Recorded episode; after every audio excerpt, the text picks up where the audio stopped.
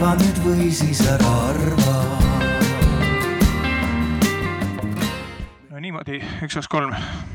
ma ütlen teile siis tervitussõnad. tere tulemast kaasa mõtlema ja arutlema teemal, kuidas saavutada pesitsusrahu Eesti metsades mul on väga hea meel, et vaatamata väga ägedale konkurentsile, mida pakuvad meile proua ekspresident ja, ja härra praegune president, et te olete võtnud tulla just seda arutelu kuulama ja jälgima. sissejuhata-, sissejuhatuseks ma tahaksin lugeda teile ette väikese sellise kokkuvõtte.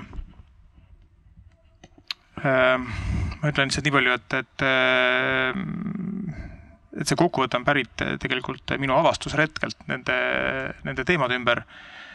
mina ise ei ole otseselt äh, seotud looduse kaitsega või, või pesitsusrahu äh, saavutamine või mittesaavutamine ei ole mitte kuidagi minu kätes. ja ma pean ka ütlema, et, et kui ma hakkasin neid materjale lugema, et see oli väga-väga huvitav ja kutsun teid kõiki üles äh, nende näiteks Eesti Ornitoloogia Ühingu kodulehega tutvuma, et seal on tõesti väga huvitavat materjali, aga, aga palju muud ka. keskkonnaministeeriumi tellimusel Tartu Ülikoolis tehtud analüüs kevadsuviste raiete võimalik mõju metsalindudele ja seda leevendavad meetmed näitas, et erametsades hukkus kahe tuhande seitsmeteistkümnenda aasta kevadsuviste raiete tõttu vähemalt seitsekümmend üks tuhat linnupoega. ja aasta hiljem vähemalt kaheksakümmend neli tuhat linnupoega kõige hävitavamalt mõjub linnustikule kevadsuvisel perioodil lageraie, sest selle käigus hävivad nii maapinnal, põõsastikes, puuõõnsustes kui ka võrades pesitsevate lindude munad ja lennuvõimetud pojad. Metsalindude arvukus Eestis väheneb juba viimased nelikümmend aastat, nelikümmend kaks tuhat kuussada kuni viiskümmend kaheksa tuhat kaheksasada haudepaari, haudepaari võrra aastas. kokku teeb see viimase neljakümne aasta jooksul nii, niisiis ligikaudu kaks miljonit kakskümmend kaheksa tuhat haudepaari. oleme jõudnud Euroopa Liidus langejate edetabelit esikolmikusse. viimase neljakümne aastaga on lindude arvukus vähenenud Eestis nelikümmend kaheksa, Rootsis nelikümmend üks ja madalmaades nelikümmend üks protsenti. saate siis aru, mina olen varsti viiekümne aastane, et äh, minu lapsepõlv möödus peaaegu et poole võrra linnulaulu rikkamas äh, Eestis kui minu lastel praegu looduslikult esinevate linnuliikide arvukus väheneb suuremal osal Euroopa Liidu territooriumil ja seda mõnel juhul väga kiiresti. Kõigi Euroopa Liidu liikmesriikide esitatud haudelinnu populatsioonide aruannetes on nii pikaajalises kui ka lühiajalises perspektiivis langustrendiga liikide osakaal kakskümmend viis protsenti. peamiselt bioloogilise tasakaalu ohustamise tõttu kujutab selline vähenemine endast tõsist ohtu looduskeskkonnale seda, miks on vaja pesitsusrahu, on teadlased ja looduskaitsjad selgitanud juba viimased paarkümmend aastat. käesoleval kevadel tehtud küsitluse järgi toetab pesitsusrahu pidamist ka üheksakümmend kolm protsenti eestimaalastest. seega meil on olemas äh, vajalik seadusandlik raamistik, pikaajalistel uuringutel tuginevad teadmised ja nagu näitas ka hiljutine küsitlus, üksmeelne rahva tahe pesitsusrahu kehtestamiseks aga miks Eestis siis endiselt igal kevadsuvel kümned tuhanded linnupojad harvesteride, rataste või lõugade vahel hukkuvad? ning millise kännu taga see hädavajalik kevadsuvine pesitsusrahu nii riigi kui erametsades siis kinni on? siin täna räägimegi. Selle arutelu korraldajad on MTÜ Päästame Eesti metsad ja Eesti Ornitoloogia Ühing ja nad on kutsunud sellel teemal sõna võtma siia Kaarel Võhandu, kes on Eesti Ornitoloogia Ühingu juhataja Liis Kuresoo, Eestimaa Looduse Fondi metsaekspert. tere!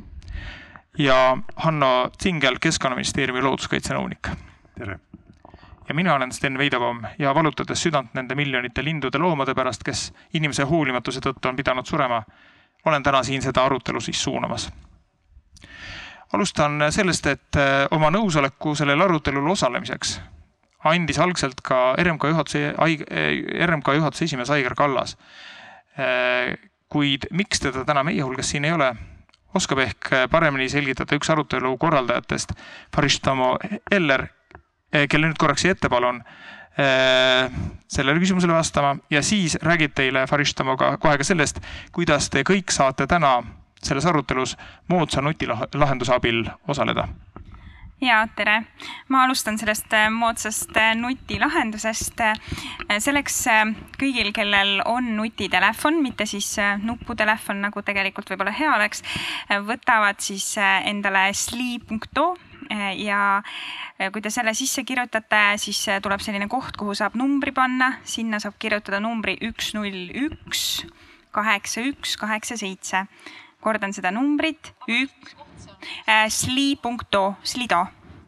jah Slido ja number on siis üks, null, üks, kaheksa, üks, kaheksa, seitse ma ütlen seda vahepeal veel üks, null, üks, kaheksa, üks, kaheksa, seitse ja sinna siis äh, kirjutage, kui teil tekib mõni küsimus või teil tekib mõni kommentaar. ma jälgin seda ja lõpus äh, kuskil kümme, viisteist, kakskümmend minutit äh, on siis aega selleks, et me kas loeme sealt ette küsimusi või kommentaare vastavalt sellele, kuidas siis teie siin või siis ka laivi vahendusel inimesed on sinna oma kommentaare pannud või kui palju siit inimesed teie hulgast siis tahavad ka oma mõtteid või küsimusi avaldada. ja nüüd, äh, miks Aigarit siin ei ole, ei tea, ilmselt on välismaal. aitäh. Äh, number üks, null, üks, kaheksa, üks, kaheksa, seitse aitäh, Farishtamo ja ma pean teile ka ütlema, et äh, see uudis, et siin äh, selles arutelus osalevad äh, tegelikult inimesed, kõik, kes on justkui selle pesitusrahu küsimuses mm, ühel pool rindejoont. et see uudis jõudis suhteliselt viimasel äh, ajal minuni, mis tähendab seda, et tegelikult selliselt algselt võib-olla natuke kirglikumalt planeeritud äh, diskussiooni asemel me nüüd püüame lihtsalt kolmes plokis selgitada esiteks, mis asi see pesitsusrahu, pesitsusrahu üldse on, miks teda on vaja pidada. teiseks äh, praegust olukorda, äh, mis on siis ühesõnaga probleem ja kolmandas plokis vaatame siis, mida teha selleks, et äh, see pesitusrahu lõpuks ometi peetud saaks.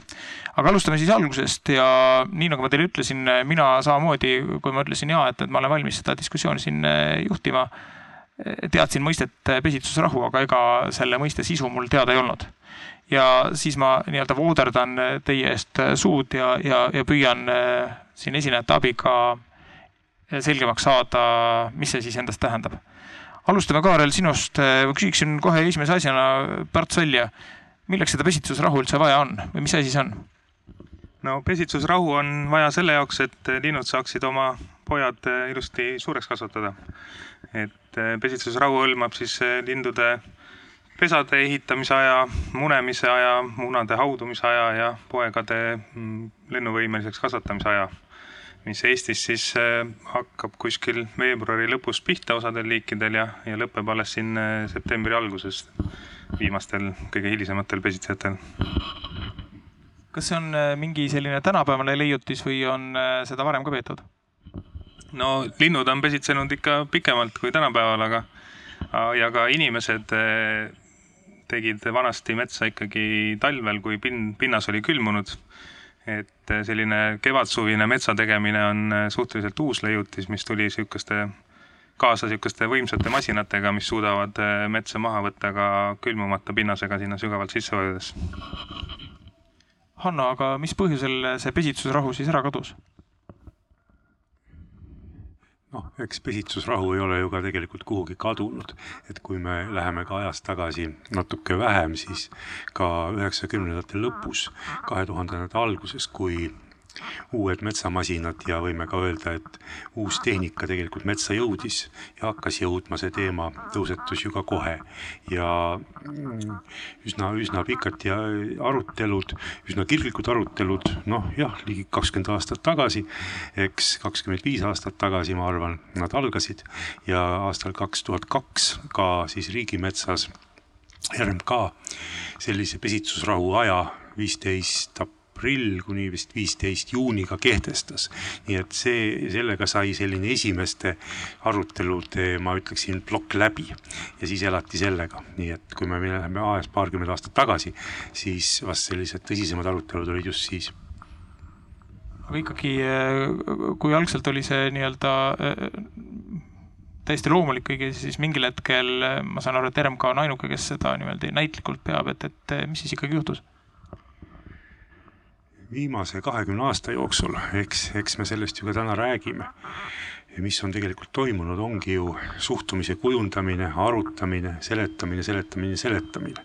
nii et noh, vast, vast vaadates ka viimaseid aastaid kindlasti ei ole aeg tühja läinud. me võiksime olla, küsida, miks nii kaua ja täiesti õige, aga kindlasti liigutakse, liigutakse õiges suunas.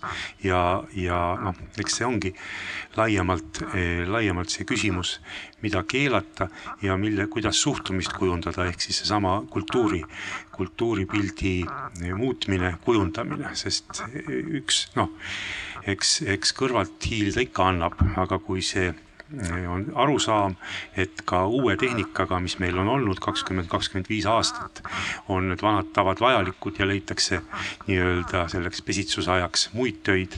et see on tegelikult see eesmärk, me võime seda nimetada pehmeks lähenemiseks, aga me võime nimetada seda ka noh, proportsionaalseks lähenemiseks.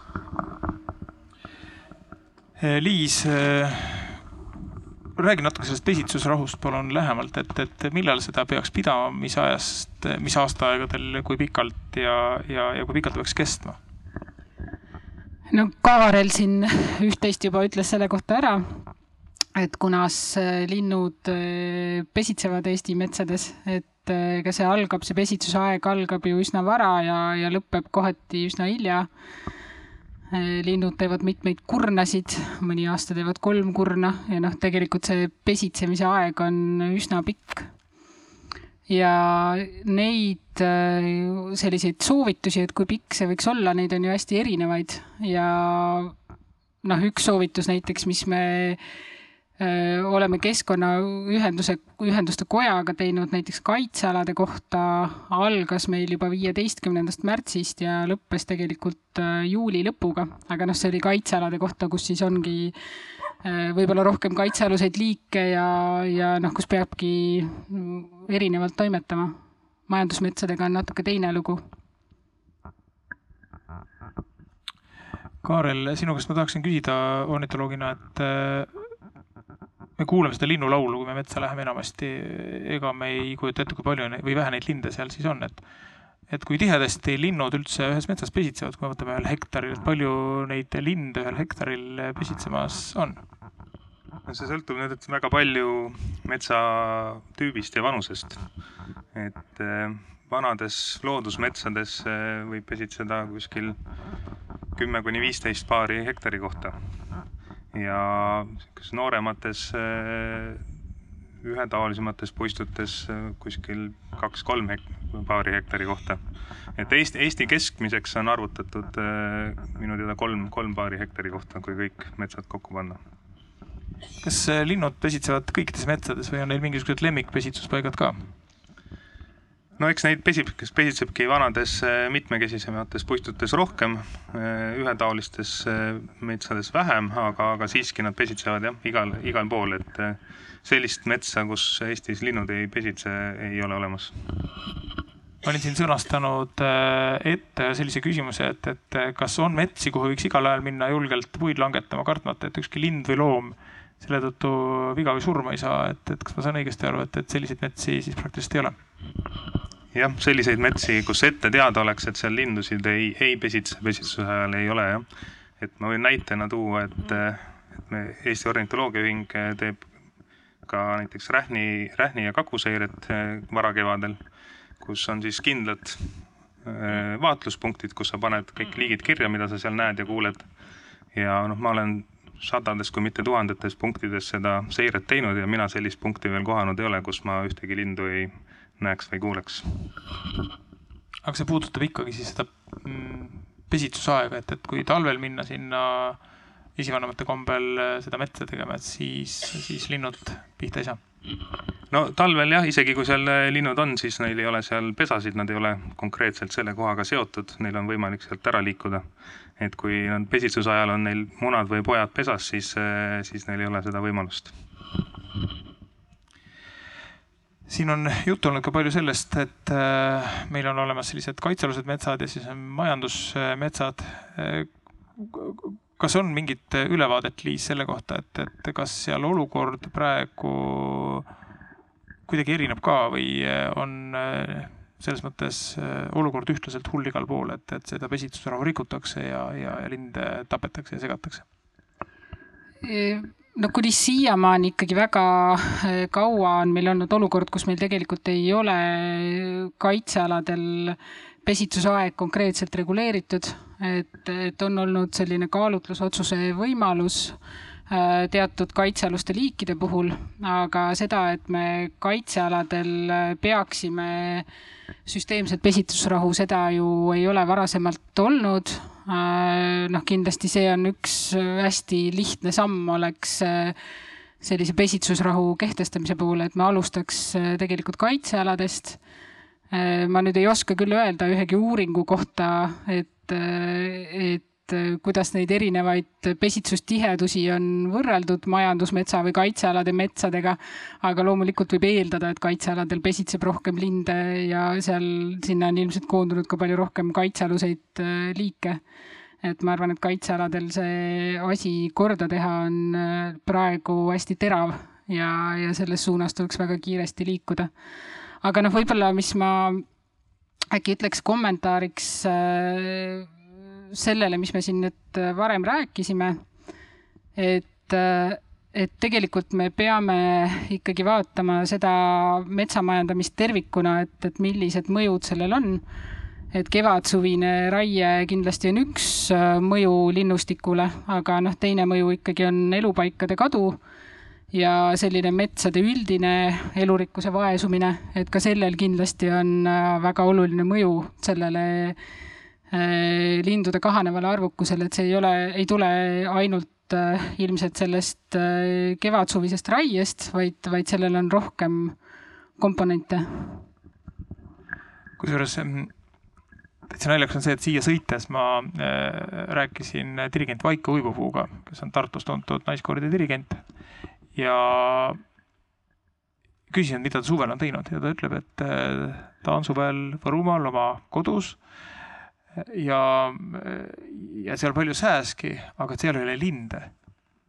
ja ma küsisin, kus need linnud siis jäid ja siis Vaike ütles, et äh, tema kodu, maakodu lähedalt äh, tehti mõni aeg tagasi lageraie, mitte tema maja ümbert, aga lähedalt. ja ta ütles, et varem oli seal ööbik ja seal olid käod ja piisaski sellest, et nüüd, nüüd jäigi kõik vait ja need linnud lihtsalt väldivad seda kohta. aga selle teemaploki lõpetuseks Farish Tamo on saanud ühendust vanade metsameestega ja, ja, ja tahab teile ette lugeda natukene äh, nende mälestusi sellest pesitsusrahust või nende seisukohti nendes küsimustes. ja rääkisime nelja vana metsamehega, Aleksander Sinimäe, Mart Herman, Kaido Kama ja Leo Filippov. loen ette Aleksandri ja Hermani äh, jutust kokkuvõte, et kõigepealt äh, Aleksander, kes on äh, vana metsamees sündinud aastal kakskümmend seitse, äh, rääkis, et mets on elusolend. pesitsusrahu pidamises pole midagi keerulist, metsarahu oli midagi loomulikku. talvel on mets puhkestaadiumis, siis on õige aeg metsas tegutseda, siis saab metsa tehes kvaliteetset puitu, sest puud on surnud olekus. kevadel varasemalt metsatööd lõppesid kõik kännud ja okaspuumaterjal kooriti ära, et tõkestada kahjurite levikut. põllumees tegi tööd suvel, metsamees talvel. veel nõukogude ajal oli nii, et suvel raietöid ei tehtud tänapäeval, isegi kui metsa tehakse talvel, jäetakse okste väljavedu siiski suvesse. tulemus on kurb. ja nüüd tema üks kogemus helistas mulle mõne aasta eest tuttav noormees, kellele oli antud töö metsast suvel oksi välja vedada. ta küsis minult, mida ta peaks tegema või kuhu helistama, sest linnud lendasid ta ümberringi, kui ta masinaga oksi tõstis. oli ilmselge, et neil olid oksahunnikutes pesad. noormees ütles mulle, et ta ei saa ja ei taha seda tööd niimoodi teha varem tegid metsavahid pidevalt ka kahjurite seiret, toimis metsavalve, mis on nüüdseks kõik ära kaotatud. praktiline sisutöö koha peal puudub, sest ei ole enam neid inimesi, kes seda teeksid. Erik Kumari on kirjutanud hästi sellest, kuidas omal ajal meelitati kasulikke linde metsadesse, et edendada looduslikku kaitset kahjurite vastu. metsavahid tegid ise ja ka koos kooliõpilastega pesakaste. mets rõkkas linnulaulust et ta ütleb enda kohta, et mul on kodu otse metsa ääres, olen näinud oma silmaga neid suuri muutuseid viimastel aastakümnetel. tuleb meeles pidada, et pesitsusrahu ei ole ainult viimased ligi kolmkümmend aastat olnud, enne seda on saadud sajandeid nii, et elasid linnud ja elasid inimesed ja mida liigirikkam mets, seda tervem ta on. nüüd aga on juhtnööriks ahnus, ratsarikkaks mentaliteet ja see takistab pesitsusrahu. Mart Herman räägib, on ka vana metsamees, et nõukogude ajal ja üheksakümnendate alguses oli Metsainstituut, kaitsealad olid mehitatud, kogu üle-eestiline süsteem toimis. keskkonnaministril Tedrel oli oma teadusnõukogu.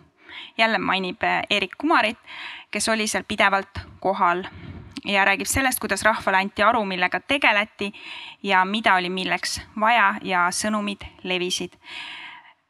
Kirjeldab, kuidas meelsus oli hoopis teine. ja lindude teema polnud päevakorral, sest see oli iseenesestmõistetav.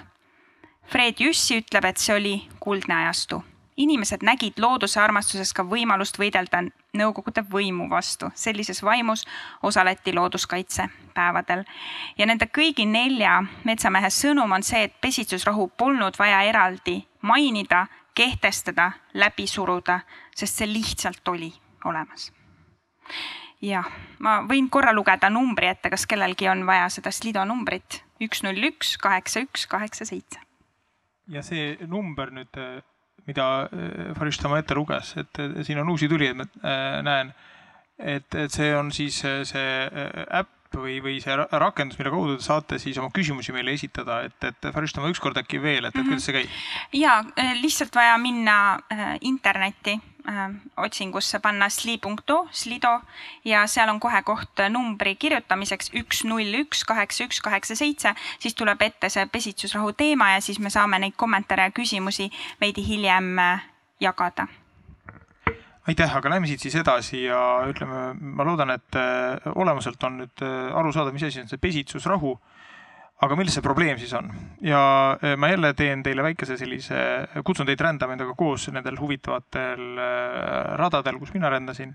ja lugesin ornitoloogiaühingu poolt kahe tuhande kaheksateistkümnendal aastal tellitud õiguslikust analüüsist pealkirjaga Lindude pesitsusaegne raierahu Euroopa Liidu ja Eesti õigustes järgmist looduskaitseseaduse paragrahv viiskümmend viis ütleb, et linnupesade, munade ja linnupoegade hävitamine on Eestis keelatud see paragrahv toetub omakorda niinimetatud Euroopa linnudirektiivile, mis kohustab Euroopa, Euroopa Liidu liikmesriike võtma erinevaid meetmeid selleks, et kaitsta kõiki looduslikult esinevaid linnuliike liikmesriikide Euroopa territooriumil.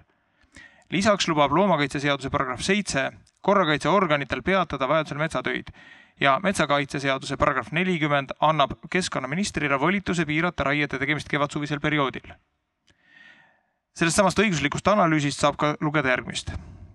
ei ole üheselt arusaadav, miks viidatakse täna vajadusele vältida pesade ja munade kahjustamist ning antakse soovitusi raietegevuse läbiviimise ajastamise osas ainult kaitstavatel aladel kavandatavate raiete puhul. samuti ei ole õigustatud senine praktika, mille kohaselt kui liigi leiukoha andmed on vananenud, see tähendab üle kümne aasta vanad, siis kohustuslikke tingimusi metsateatiste väljastamisel ei seata, vaid piirdutakse soovitusega linnuliikide, eriti kaitsealuste liikide leiukohtade kaitse ei tohiks sõltuda sellest, kui sageli suudab riik nende leiukoha andmeid uuendada. tsitaadi lõpp. seega justkui äh, vajalik õiguslik raamislik, äh, raamistik tundub täna täiesti olemasolevat pesitsusrahu pidamiseks, aga ometi oleme me täna siin ja püüame leida lahendust, et pesitsusrahu hakatakse Eesti metsades pidama Liis, esimene küsimus sulle, et kas pesitsusrahu osas on olukord riigimetsas ja erametsas kuidagi erinev ka või, või mis seis sellega on? jah, väga erinev on, et, et riigimetsas on pesitsusrahu juba peetud väga kaua ja seal on siis üleüldine see pesitsusrahu, mis siis sel aastal oli siis viieteistkümnendast aprillist kuni kolmekümnenda juunini, kui ma ei eksi aga äh, erametsas on siis äh, tegelikult see praktika ju väga palju muutunud, võib-olla sellest kõige täpsemini oskab siin Hanno rääkida meist. riigiametniku vaatest, aga, aga tegelikult see selline raiete peatamine, see ju tuli alles kaks aastat tagasi, et kui hakati teatama lindude pesitsustest ja raietest ja, ja siis hakati neid kinni panema teatud aladel. tahad sa, Hanno, kommenteerida? ja ikka, et kui me räägime nüüd viimastest aastatest, siis eelmise aasta praktika oli reageerimine kaebustele ja kaebusi tuli meil umbes sada seitsekümmend eh, nii-öelda metsa, metsaraieteks ja et maailmas oleks tasakaal, tuli umbes kaheksakümmend ka põllutööde ja muude ettevõtmiste, ilmselt ka pargis jalutamise peale. siis käesoleval aastal jõuti edasi sellega, et tõesti ka erinevate uurimustööde põhjal, mida juba ka siin moderaatorgi mainis, muuhulgas töötati välja selline pesitsusmaatriks ehk siis lähenetakse proportsionaalselt ehk sellistes metsades, mis reeglina on küpsed või sealt üles sajaaastased ja kõige viljakamatel pinnadel, eks ole, salumetsad salumetsad, laanemetsad, kus me tõesti arvame, pesitsevad kuni seitsekümmend erinevat linnuliiki. et nemad siis selle maatriksi järele on vast punase värviga, siis kus me eeldame, et pesitseb seitse-kuus paari kindlasti hektaril, sealt järgmine vahemik on vist kaks kuni neli paari kindlasti ja siis kõige noh, vähem viljakad, viljakamates nooremates metsades, kus on siis seal üks-kaks paari ja vastavalt sellele maatriksile, mida ju ka tegelikult tutvustati täitsa, täitsa ohtralt ja, ja, ja erinevatele erinevatele kasutajatele saab ka iga metsaomanik siis vaadata, milline nii-öelda värv või väärtus on tema metsale antud ja sellest vastavalt ka tõesti raietest hoiduda ja paralleelselt vastavalt sellele maatriksile siis ka Keskkonnaamet nii-öelda tegi nendesse kõige punasematesse, kõige väärtuslikumatesse metsadesse reide. ma arvan, et umbes kakssada või seal kakssada viiskümmend siia-sinna mõni kümme sellist erinevat reidi, ohtralt töötunde tegelikult ka toimus ja printsiip täna on see, et selles sama noh, reidi käigus, kui on paika pandud kas siis kindel pesitsemine, mis piltlikult öeldes tähendab pesa nägemist, või siis noh, väga tõenäoline pesitsemine, mis tegelikult tähendab juba territooriumi hoidmist ehk tegelikult laulvaid metsalinde, siis tehti ka ettekirjutis ehk siis see raie peatati nendeks mõneks kuuks.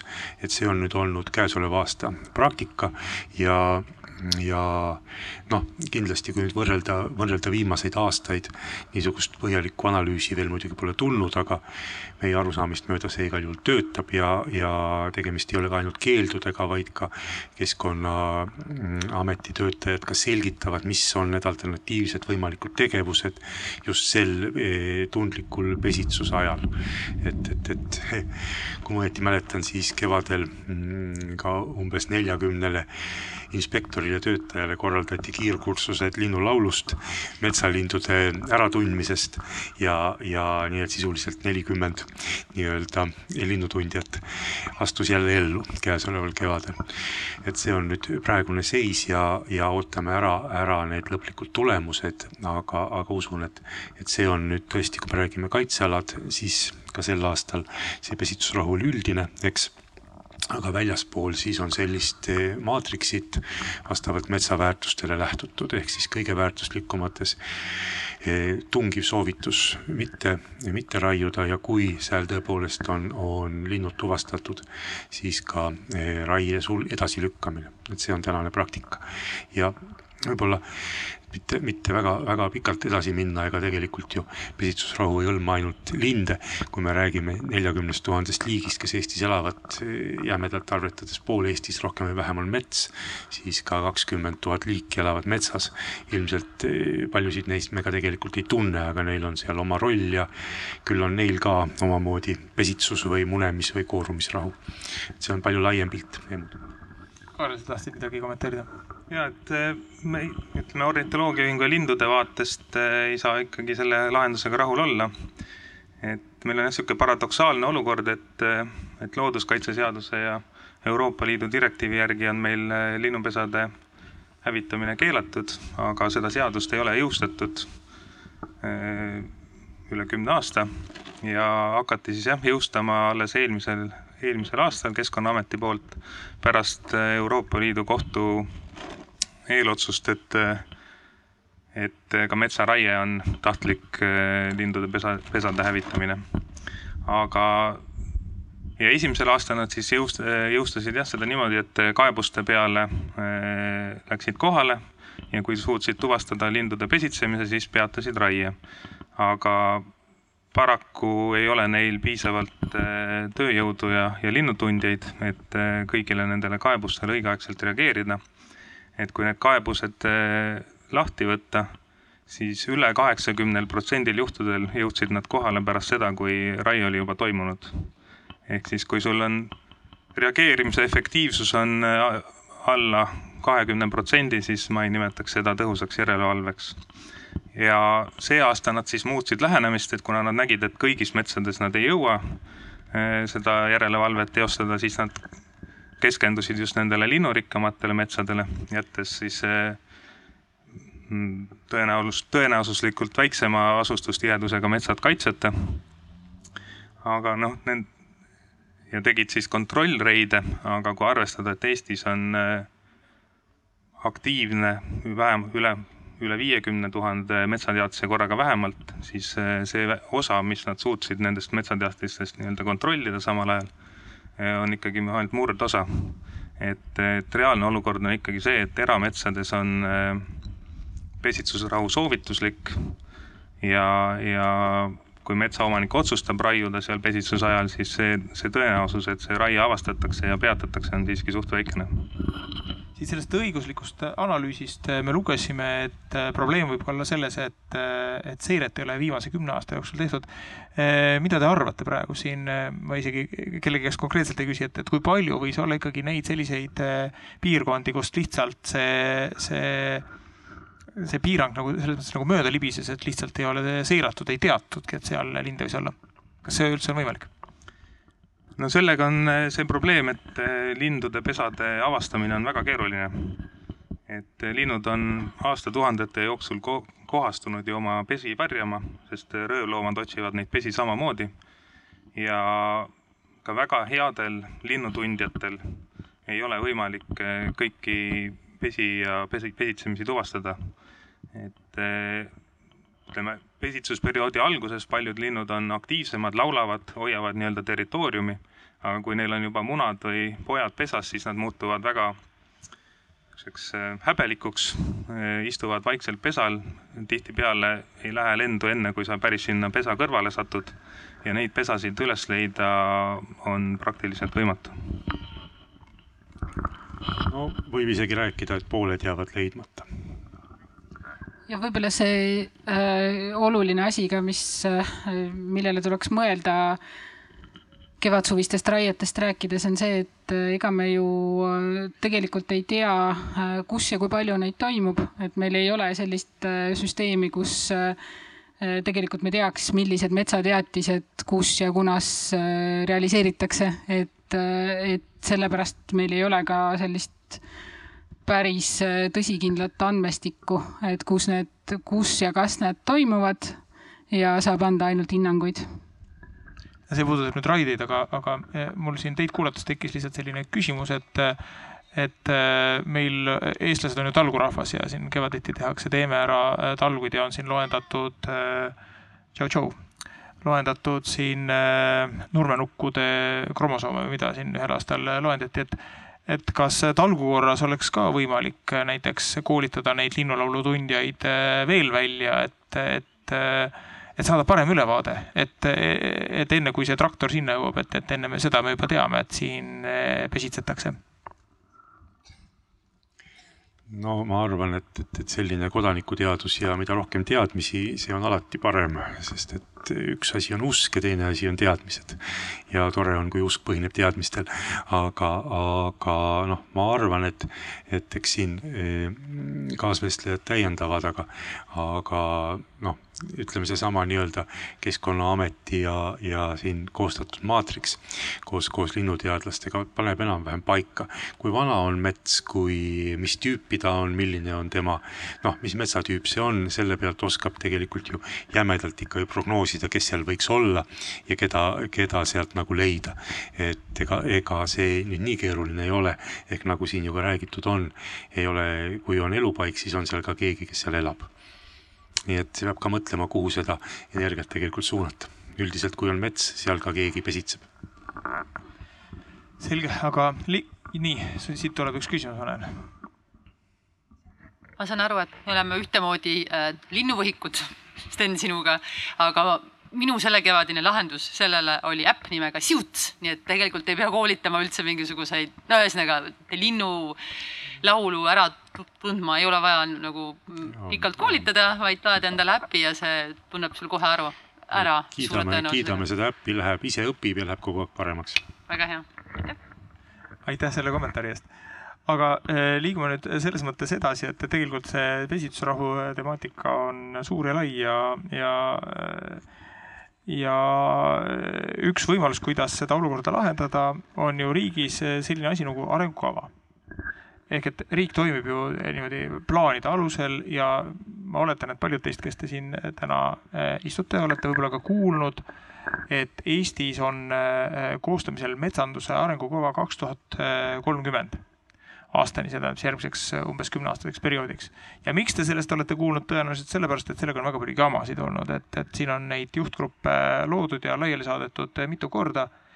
ja nüüd äh, vaadates siis Keskkonnaministeeriumi kodulehte, ma saan aru, et see arengukava on kuhugi maale jõudnud kuid juba täna lugesin pressiteadet, et jälle, jälle hävitava, hävitava hinnangu saanud aga sellegipoolest eh, ega riigis eh, midagi väga ei juhtu, kui, kui see arengukavas kirjas ei ole, sellepärast ma seda lugesin ja loen ka teile ette ühe väikese lõigu sealt, mida tahan teiega jagada. Eh, ja see ei ole mitte arengukavast endast, vaid siis seda arengukava koostanud töörühma dokumendist, kuhu olid siis sõnastatud erinevad probleemid, mida arengukavas tuleks käsitleda. probleem number K punkt neli punkt seitseteist, ökoloogia töörühm probleemi sõnastus. metsalindude arvukus kahaneb. probleemi kirjeldus.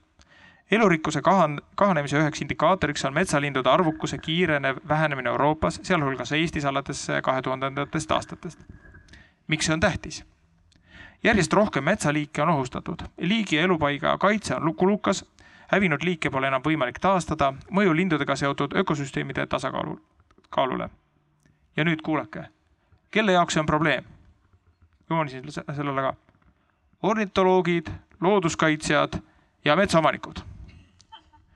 küsin sõbrad teie käest nüüd, et, et keda see pesitsusrahu peale lindude siis inimeste maailmas täpsemalt ikkagi puudutab? kas tõesti on lindude pesitsusrahu häirimisest tingitud elurikkuse kahanemine ja üldiste ökosüsteemide teadlik ja protsessipõhine hävitamine ainult ornitoloogide, metsaomanike ja looduskaitsjate probleem või millised osapooled selle rahu eest siis, eest või vastu siis võitlust peavad? Hanno, kas, kas sina oskad äh, rääkida sellest või, või, või kes tahab vastata? no kindlasti kõik need kolm olid õieti tabatud. et aga, aga kindlasti noh, saab, saame me ka ju vaadata, kui palju ta mõjutab ja, ja milline see puutumus on, eks, et et kindlasti ka, ka noh, me juba enne rääkisime inimestest, kes tunnevad puudust kägudest või, või ööbikutest ja, ja niimoodi ta läheb ju tegelikult meie kõigi kultuuripildi osaks, et lihtsalt paralleel, ma tean kahte Rootsi keskkonnaministrit, kes on sellistel erinevatel globaalsetel rahvusvahelistel looduskaitsekonverentsidel öelnud, et kui ta ei vii tagasi oma valijatele sõnumit, et me teeme midagi Amazonia kaitseks, siis ta ei saagi koju minna, eks ole, ehk see on piltlikult öeldes Rootsi inimene inimese maailmapildi osa on, et et tema valitud peavad ka Amazonase eest hoolt kandma. ja noh, sealt jõuame ka ju sinna, et, et, et millist, millist Eestit me tegelikult tahame, kas me tahame seda linnulaulu palju, tahame me seda vähe, eks, et seega selles kontekstis puudutab see meid kõiki. Ja kui, kui ka laiemaks minna, siis iga, iga liigi kadumine, arvukuse vähenemine lõikab jälle noh, ühe, ühe juhtme. Piltlikult öeldes sellest autost, mida me nimetame eluks, ära ja tegelikult seesama palju kasutatud võrdlus on see, et, et, et me jälle võtame ära ühe vooliku, ühe vidina oma auto küljest. ma kasutan sõna auto, mitte lennuk, sest tegelikult eh, lihtsalt liikumine jääb aeglasemaks, aga me ei tea, mida see voolik teeb, me teeme ühest voolikust kõrvarõnga, me paneme mingisuguse kilbi omale selja peale, on ilus, sööme sealt seest, aga me tegelikult ei tea, kuidas auto töötab. me tegelikult, me aimame ja mõnest, mõnest piduritest me saame juba aru ja nii edasi, aga, aga päris autot me veel ei tunne. nii et, et, et, et seal on palju asju ja palju, iga, iga lüli kadumine, iga nõrgenemine teeb meid hapramaks ja meie, meie enda inimeste eksistentsi noh, seab rohkem ohtu, me ju näeme muudatusi ja, ja ega ka see, et me ei oska neid öelda, aga, aga millest see tuleb, seda me ei tea, nii et tegelikult puudutab iga liigi kadu, kadumine meid kõiki kõige laiemas plaanis, aga, aga kitsamas plaanis eh, on see tegelikult küsimus, millist Eestit me tahame, millist, eh, millises Eestis me oleme nõus elama, millises Eestis me makse maksame, ei muud. Kas te, Liis Kaarel, tahate kommenteerida? võib-olla kommenteeriks äh, seda sellest vaatest, äh, kuhu ma siin pidevalt tahan oma jutuga jõuda et äh, tegelikult see probleemi kirjeldus ju rääkis metsa linnustiku arvukuse vähenemisest ja tegelikult selle probleemi üks põhjus Äh, võib-olla elupaikade kadu ja, ja sobivate elupaikade vähenemine. Äh, nagu Kaarel enne rääkis, siis äh, tegelikult selline kõige suurem linnustiku tihedus on sellistel, sellistes metsades, mis on väga mitmekesised. mida vanemad nad on, seda parem, mida rohkem seal on mikroelupaiku, seda parem. seda on ju need viimased teadusuuringud meile näidanud. et mis ma öelda tahan, on see, et et äh, see linnustiku kao küsimus on laiem kui ainult see kevadsuvine raierahu, et äh, selle taga on olulised ja rasked äh, küsimused ja valikud ja kindlasti need ei ole ainult looduskaitsjate ja ornitoloogide ja metsaomanike teha, et need ongi väga suured ja laiad küsimused. ja seda linnustiku kadu noh, mingis mõttes saab ka vaadata kui indikaatorit, et äh, jah, see toob meile kaasa sellise kurva tõdemuse, et äh, metsas on linnulaulu vähem, aga no eks see linnulaul ju meid ei toida, et, et äh, lõppkokkuvõttes mida see näitab, on see, et meil käibki, käivadki ökosüsteemid alla ja see on juba väga tõsine mure, et see ei ole lihtsalt see, et, et kägu ei kuku enam, vaid, vaid see on see, et Äh, kust ülehomme tulevad meile ökosüsteemide teenused, mis on ääretult olulised ja loomulikult on see palju laiem küsimus kui äh, kui lihtsalt mingisuguste ornitoloogide ja metsaomanike kemplus, kui, kui nii tohib öelda. ökosüsteemide teenused on sellised asjad, mida ökosüsteemid meile pakuvad, mis on meile eluliselt hästi vajalikud. et et äh, metsade puhul, noh, ma toon mingi väga lihtsa näite, et äh, näiteks äh, vooluveekogude ääres kasvavad metsad hoiavad näiteks nende veekogude temperatuuri. sellest temperatuurist sõltub näiteks see, kuidas seal kalad saavad koetud, väga lihtne näide. metsaomanikule võib-olla niisugune kordaminev laanerähni arvukus Eestis langeb väga kiiresti, praegu umbes viis protsenti aastas ja laanerähn on selline liik, kes sööb näiteks ainult koose, kuusekooreüraskit ja laanerähni arvukuse langedes saab ka kuusekooreürask aina rohkem vohada ja, ja praegu on sellega juba suuri probleeme Eesti metsades. Kusjuures ma tahtsingi siit omalt poolt siis sellise hästi teadusliku kommentaari öelda, et me kõik oleme ju näinud Naksitarvide multifilmi, et kui, või lugenud seda raamatut, et kui kassid viia ära, et siis tulevad ju rotid, et ma tahtsingi küsida, et kas see üraski probleem on, on sellega kuidagi seotud ja juba sain vastuse ka aga äh, ma tahtsin küsida, et täna jääb mulje, et lindude pärast muretsevad eelkõige MTÜ-d ja äh, nii-öelda lihtsad Eesti inimesed ja ma viitan siinkohal sellele uuringule, millest ma siin alguses rääkisin et, et üheksakümmend kolm protsenti Eesti inimestest on äh, selgelt seda meelt, et pesitsusrahu tuleks pidada. keskkonnaministeerium ja Keskkonnaamet ning tööstused aga paistavad olevat ühel ja samal pool seda niinimetatud rindejoont. miks riik ennast selles küsimuses ei kehtesta? Hanno, see on küsimus sulle, sa panid küll mikrofoni eest ära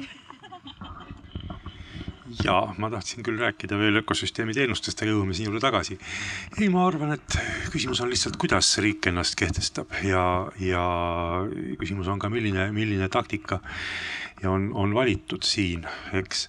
et ega, ega me saame vaadata, kui me vaatame näiteks Erametsaliidu kodulehekülge, siis seal on, on täiesti, täiesti huvitav arutelu just erametsaomanikele, mida, mis ajal teha, mis, mida, mis kuus teha ja samuti seesama nii-öelda metsade maatriksi avamine ja teele juhatamine on, on seal kindlasti olemas. ja eks need samad küsimused, ega, ega nendes küsimustes osalevad ju ka tegelikult ikkagi metsaomanikud, et eks Eestis on ju nii-öelda väikemetsaomanikke täna veel ju küll ja küll nii-öelda, noh, me võime rääkida nii-öelda linnametsaomanikest, kes tegelikult ju noh, tunnevadki, tunnevadki ka, ka kui elu vähegi lubab, uhkust oma metsa üle ja nendest lindudest, kes seal on. nii et see pilt on tegelikult üsna, üsna kirju ja neid rindejooni, kui me tahame seda kasutada, kui need on, on nad eh, üsna sellised hajusad.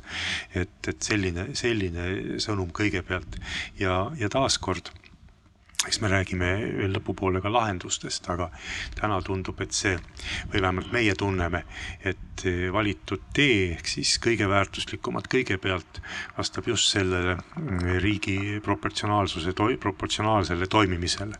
Ja noh, kindlasti, kindlasti me võime selle üle arutleda, aga üks väärtus on see, kui ühiskond jõuab ise ühe kokkuleppeni ja teine asi on see, kui nad loevad seda lihtsalt lehest, et täna on nii. Ja ma väidan, et tegelikult selle ühiskondliku kokkuleppe poole me kogu aeg ka oleme, oleme liikunud, viimastel aastatel kindlasti kiiremini, sest noh, ma usun, et kui me siin rääkisime kaks tuhat kaks riigimetsa raierahu algatamisest, siis ka seda pidasime me kõik ju tegelikult suureks saavutuseks ja noh, ühiseks saavutuseks, ma arvan. nii et, et eh, jah, kindlasti me liigume õiges suunas, aga vast eh, taktikad on erinevad no ma pean nüüd sellise äh, kõrvaltpilguga seda asja vaadelnud inimesena küll ütlema, et, et, et minu jaoks tundub see ikkagi veider. ja ma ei saa sellest aru, sellepärast et, et kui meil on kehtestatud mingisugused reeglid, võtame, ma ei tea, et sa ei tohi teist inimest näiteks tappa, onju. või, või sa ei tohi liiklus, ma ei tea, kiirust ületada et siis seal ma ei märka, et me otsiksime ühiskondlikku lepet, et, et, et seda sellist, sellist probleemi nii-öelda vältida või ohjata. aga et kui meil on kehtestatud mitmed erinevad seadused, meil on see linnurahu direktiiv, siis minule jääb mulje, et, et igal aastal, kui mõni linnupoeg jälle sureb, sellepärast et, et seda linnurahu ei ole siis kehtestatud, et kas ei ole siis mitte lihtsalt jäme seaduse rikkumine? Sellest saame veel ka rääkida, sest et ega seaduse täpsustused ongi ju meil, meil laual, aga ütleme, et noh, kui me siin kuulasime ka vanade metsameeste mõtteid, eks siis oligi võib-olla lähenemine metsale ehk metsakultuur teine, täna meil on jah, tehnoloogilised võimalused on, on laiemad, eks. ja, ja ma panin tähele, et kas just praegu mitte ei tulnud, tulnud määrus, kus tekitatakse tõukeratastele piirikiirus. ehk siis tehnoloogia, sellega kohanemine, võib-olla ka lootus, et ühiskond ise reguleerib ja ei sõideta üksteisel varbaid siniseks. ja, ja ühel hetkel tekib ka ühiskondlik soov, et neid varbaid siniseks ei sõideta, kui me selle tõuke, tõukerataste metafoori juurde veel räägi, rääme ja siis sellised piirangud ka kehtestatakse. nii et noh, tegelikult, tegelikult me oleme, mm, mis puudutab ka raierahu, tegelikult minu hinnangul praegu murdepunktile üsna, üsna lähedale jõudnud. ja, ja noh, hüppame korraks natuke laiemaks, siis me ju armastame rääkida talupojatarkusest, talupojatarkusest, aga, aga, aga kui, kui me kujutaksime ette näiteks talupoegi Pearu, Pearu Murakas ja Andres Paas ja mõlemad oleks Javelin kuuri taga, siis ma ei tea, kui palju tarku talupoegi tahaks nende naabrid olla näiteks. ehk siis ma tahan öelda, et tehnoloogia arenedes, noh, ma ei too näidet Eestist, aga, aga, aga ütleme, me räägime ka näiteks noh, saamide õigusest kaitsta oma põhjapõtru huntide eest. Ja, ja see ongi väga oluline teema, aga neil saami, aga samal ajal saam kasutab oma põtrade kaitseks ka täna, eks ole, ja mitut helikopterit ja kõige, kõige parema optikaga automaatrelvi, eks, nii et noh, tõesti hundid on kaitstud. vabandust, põhjapõdrad on kaitstud. Ja ka hundil ei ole siin enam mingisugust võimalust, et see talupoeg on meil ikka olemas, aga tehnoloogia, mis on talupoja käes, on, on, räägime me põllumajandusest, räägime me metsandusest, muutunud kiiresti ja, ja siit ka, siit ka täiesti erinevad, erinevad lähenemised, noh, kasutame seda sõna kultuuri ja lihtsalt kultuur peab järele tulema võib-olla sellest jah, vaimustusest uue tehnoloogia uue tehnoloogia, mida võimalused, mida ta pakub, ehk siis, ehk siis selline settimine ja paika loksumine on võtnud aega, mis siin rääkida. Kaarel, ma tahaks kommenteerida, et minu arvates on meil ühiskondlik kokkulepe juba ammu olemas et eh, nagu meie uuring näitas, üheksakümmend kolm protsenti eestlastest arvab, et pesitsusrahu tuleks pidada erametsaliit on varem teinud küsitluse erametsaomanike seas, kellest lausa üheksakümmend viis protsenti arvab, et, et nad on nõus pesitsusrahu pidama. et see, et seda ei kehtestata, on ikkagi praegu üksikute eh, suu-, suurmetsaomanike huvides puhtalt ja, ja ma ootaks just Keskkonnaministeeriumilt, et see on see koht, kus eh, panna ikkagi konkreetsed kuupäevad seadusesse, et kõigil oleks selge, et sellel ajal kindlasti raiuda ei tohi. et kui nüüd siin jälle liiklusega võrdlusi tuua, siis praegu on meil selline olukord, kus on kirjas, et eh, kiirust ületada ei tohi, aga kuskil ei ole kirjas, eh, mis on piirkiirused, kõik peavad sellest ise aru saama no selles mõttes päris hea võrdlus. ma tahan öelda, et selle ploki, seda plokki ette valmistades äh, ja seda meie arengukava siin ka lugedes, et äh, kuidagi minus süvenes see mulje, et, et mets on äh, kuidagi väga tugevalt nagu rahaks ümber arvustatud või et nagu igal asjal on hind ja see, mida ei saa hinnata, et, et sellel justkui nagu ei oleks siis ka metsas väärtust selline tunnetus tekkis ka sellest, et, et noh, näiteks seesama see, see tsitaat siin, et, et, et, et, et, et hetkel, kui me hävitame nii-öelda ökosüsteemi, onju, et siis me kirjutame taha, et, et, et, et tegelikult huvigrupid on ornitoloogid, metsaomanikud ja looduskaitsjad, et noh, minu jaoks see näitab nagu mingisuguse tervikpildi puutumist, puudumist selles küsimuses. kas te olete minuga nõus või tahate vaielda? Nõus ikka. Et, et selles mõttes minu arust metsaga on, on see lugu eri, eriti äh, kurb, et metsa on väga lihtne ümber arvutada numbritesse, et seda me oskame ülihästi teha. aga, aga teistpidi me ikkagi sageli ei oska näha neid väärtusi äh,, mis võib-olla on olu palju olulisemad meile lõppkokkuvõttes kui see puit just, aga äh, siit ma küsingi, et, et kas sellele pesitsusrahu aastane hind on ka kunagi kokku äh, arvutatud, kas, äh, kas on metsaomanikel või puidutöösturitel mingeid selliseid tõsikindlaid uuringuandmeid, millele toetus väita, et pesitsusrahu võib tekitada neile rahalist kahju? Et millises mahus see olla võiks, kas keegi teist oskab sellele vastata, ma olin siia kirjutanud küll Kaarel järele, aga ma ei tea, kas teist oskab kommenteerida? no ma kahjuks ei ole puidutööstur, nii et äh, täpselt ma ei tea, aga mina selliseid uuringuid äh, näinud ei ole, et et mets, mets on ju pikaajaline toode selles mõttes, et äh, ta on seal täpselt samamoodi püsti ka kolme kuu pärast, pärast pesitsuse rahu. et äh, nii-öelda saamata jäävat tulu ei teki, et sul on võimalus see mets seal maha võtta ka pärast pesitsusrahu perioodi kas erametsaomanikel on äh, sellistel puhkudel mingid kompensatsioonimehhanismid ka ette nähtud, Liis? tead sa? pesitsusrahu pidamise jaoks ei ole, aga noh, kui kompensatsioonimehhanismidest rääkida, siis äh, tegelikult ju selle aasta kevadel näiteks Riigikontroll tõi välja, et praegused, praegused toetused metsaomanikele Äh, soodustavad sellist intensiivmajandust. Äh, näiteks äh, istutustoetus oli üks asi, mida Riigikontroll kritiseeris, et, et sageli ju see selline, sellised säästvamad raieviisid ähm, tegelikult on majanduslikult päris põhjendatud puhkudel, kui sa ei pea metsa uuendamiseks väga palju investeerima, aga kui need investeeringud makstakse toetuste näol kinni, siis muutub see lageraiepõhine intensiivne majandamine automaatselt kohe kasumlikuks, et tegelikult justkui kaudselt soodut-, soodustatakse sellist intensiivmajandust, et see on on kindlasti üks selline kompensatsioonide häda. noh, samamoodi on selline kaitsealadel äh, toetuste maksmine äh, võib-olla diferentseerimata siis seda, et mida see metsaomanik seal kaitsealal täpselt teeb, millise raieliigi valib, kunas raiub. et ka see ei ole tegelikult äh, loodussõbralik. siin on näpp püsti. ja ma saaksin vastata ma võiksin vastata sellele ähm, küsimusele kompensatsioonimehhanismidest äh, õigusteaduslikust vaatest ja, ja natuke järjepidevust tuues ähm, siia diskussiooni ja luues seost eel, eelneva, sellele vahetult eelnenud diskussiooniga, mille teemaks oli, et äh, kui, kui jõulised või kui julged meie otsused siis kliimavaldkonnas Eestis on. et ähm, sealt jäi kõlama seisukoht, äh, kus tsiteeriti Eesti Riigikohtu mm, sellist üldisemat seisukohta, et mida olulisem on see avalik hüve, seda eh, rohkem peavad kodanikud arvestama eh, enda õiguste piiramisega, ilma et selle eest eh, keegi midagi sulle siis tasuma või kompenseerima peaks.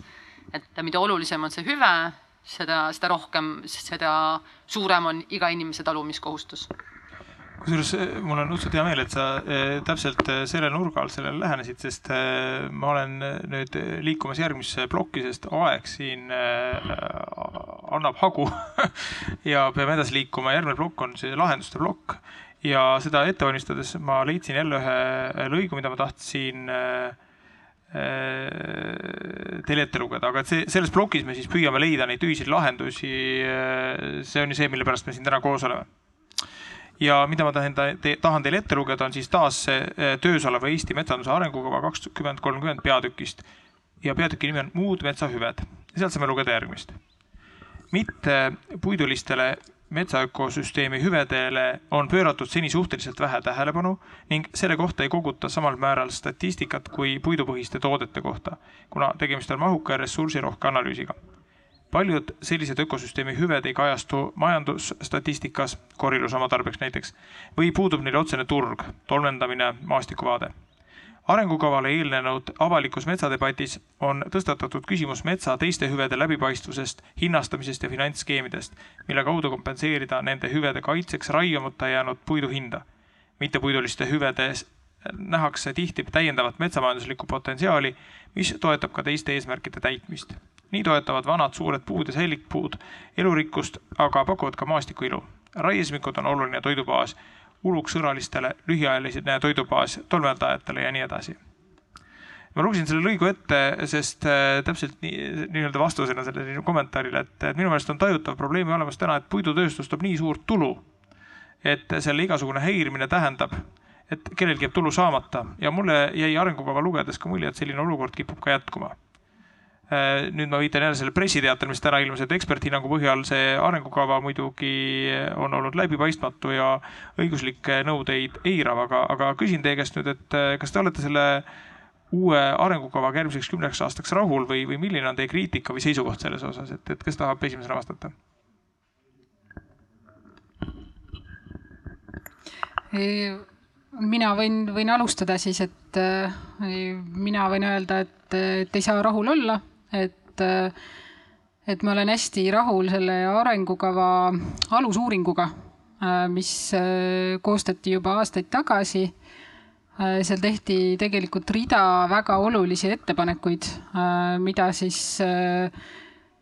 selliste erinevate probleemide lahendamiseks teha, mis selle arengukava käigus püstitati, aga tänane see eelnõu koos nende lisadega ikkagi ei lähtu sellest alusuuringust ja ei lähtu lõpuni ka nende probleemide kaardistusest, et, et selles mõttes mulle tundub, et mida selle arengukava protsessiga on siis tehtud, on see, et üritada ikkagi, üritatud ikkagi põhjendada seda praeguse olukorra jätkumist nii hästi kui võimalik, et eks seal üksikuid selliseid paranemise kohti on, aga noh, mingit sellist äh, suurt äh, muutust paremuse poole sealt ei paista. Karl?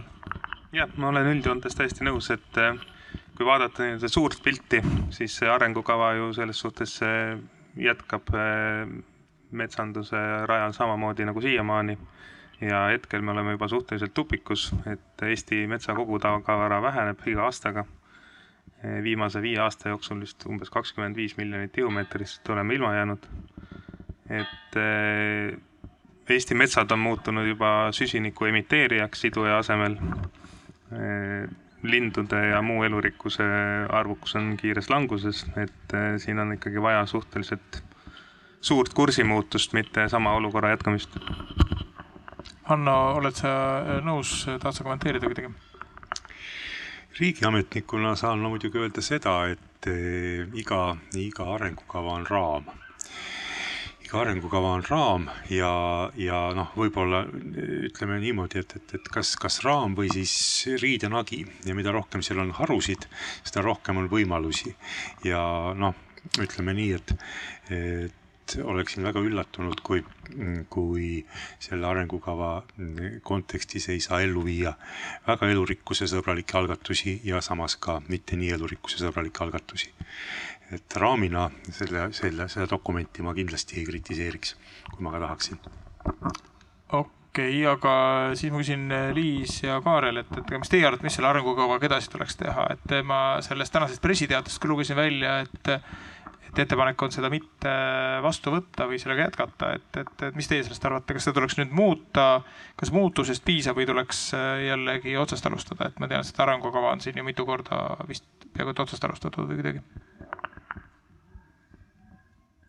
Jah, see on hea küsimus, et mis, mis temaga peale hakata, et et tegelikult seda ju koostatud on jube pikalt ja, ja tehtud äh, väga palju tööd Äh, erinevate ekspertide poolt, poolt ja on tehtud tohutult pikad kaasamised, aga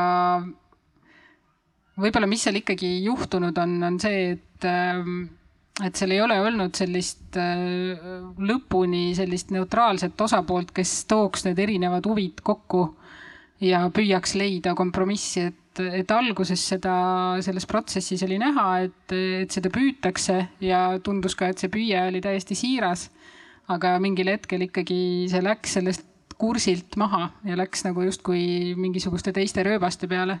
et tegelikult ikkagi oleks vaja minna selles protsessis tagasi ja püüda ikkagi jõuda mingisuguste kompromissideni ja püüda, püüda siis seda neutraalset osapoolt hoida seal, kes võiks aidata kokkuleppeid sõlmida ja noh, tegelikult seda on ka toodud selle protsessi kriitikana välja äh, Maaülikooli poolt. et, et justkui alguses oli seda tahtmist ja, ja võib-olla oli ka, oli ka näha neid võimalusi, kus äh, väga selgelt erinevate maailmavaadetega osapooled lõpuks hakkasid arutlema aga lihtsalt selle jaoks, et äh, mingid sellised äh, dokumendid saaks kokku, selleks kulubki lihtsalt liitrite viisi kohvi, mida koos ära juua, aga, aga selle poole peab püüdlema, et täna nagu sealt MAK-i eelnõust seda ei paista, et seda oleks suudetud lõpuni hoida. Kaarel, tahad kommenteerida? No ma võib-olla nii palju ütleks veel märkusena vahele, et, et igasugused ühiskondlikud kokkulepped on olulised, aga me ei saa eirata loodusseadusi. et me võime teha ühiskondlikke kokkuleppeid, mis, mis ei järgi loodusseadusi, aga need lõpevad varem või hiljem krahhiga, ehk siis ka selle MAK-i koostamisel peaks ikkagi esikohale seadma tingimuse, et ta peab olema tõeliselt jätkusuutlik äh, ka nii-öelda elurikkuse ja looduse vaatevinklist. ja siis selle raames me saame hakata arutama, et kui palju ja mida äh, saab teha siis äh, nii-öelda majanduse ja, ja metsanduse, metsatööstuse huvides.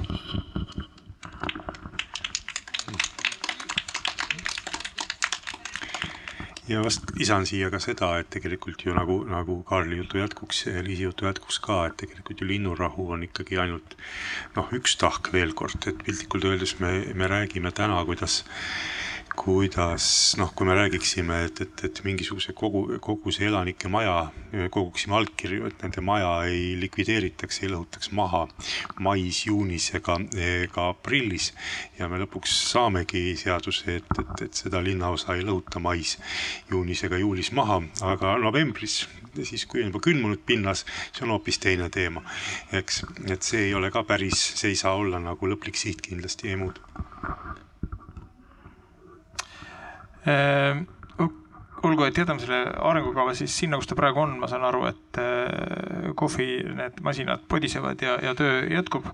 aga eh, Kaarel, eh, kui sa saaksid nii-öelda, kui sulle antakse nii-öelda pastaks kätte, et kirjuta need, me oleme siin seadust muutmas, ükskõik millist neist siis metsaseadust või looduskaitseseadust või loomakaitseseadust oleme muutmas, et, et kirjuta siia need kuupäevad, et, et kui pikk see vesitusrahu peaks olema, mis sa sinna siis kirjutaks? No Eesti Ornitoloogia Ühing eh, üle kahekümne aasta tagasi, siis kui seda diskussiooni alustati, tegi üsna põhjalikud uuringud, et millistel linnuliikidel millist seda pesitsusrahu perioodi vaja on, et nad pesitseda saaksid. ja ka nii, nagu see meie kaitsealade pesitsusrahu ettepanek läks, viisteist märts kuni kolmkümmend üks august oleks siis vaja, et eh, enamus Eesti linnuliike saaksid rahus ära pesitsetud. ja majandusmetsades eh, võib otsida siis kompromissi, kui seal nii pikalt pidada ei saa. ja sellega on nüüd nii, et mida lühemaks me seda pesitsusperioodi või seda pesitsusrahu perioodi eh, nihutame, seda rohkem liike jääb kaitseta. et, et nagu varasemad liigid nagu rähnid ja paljud röövlinnud alustavad juba märtsis, et kui me tõstame selle viieteistkümnele aprillile, siis nemad jäävad kaitseta. lõpp, lõpus samamoodi, et mida lühemaks me seda liigutame, seda äh, rohkem liik jääb kaitset, et nüüd ongi küsimus, et kus see kompromissi koht on.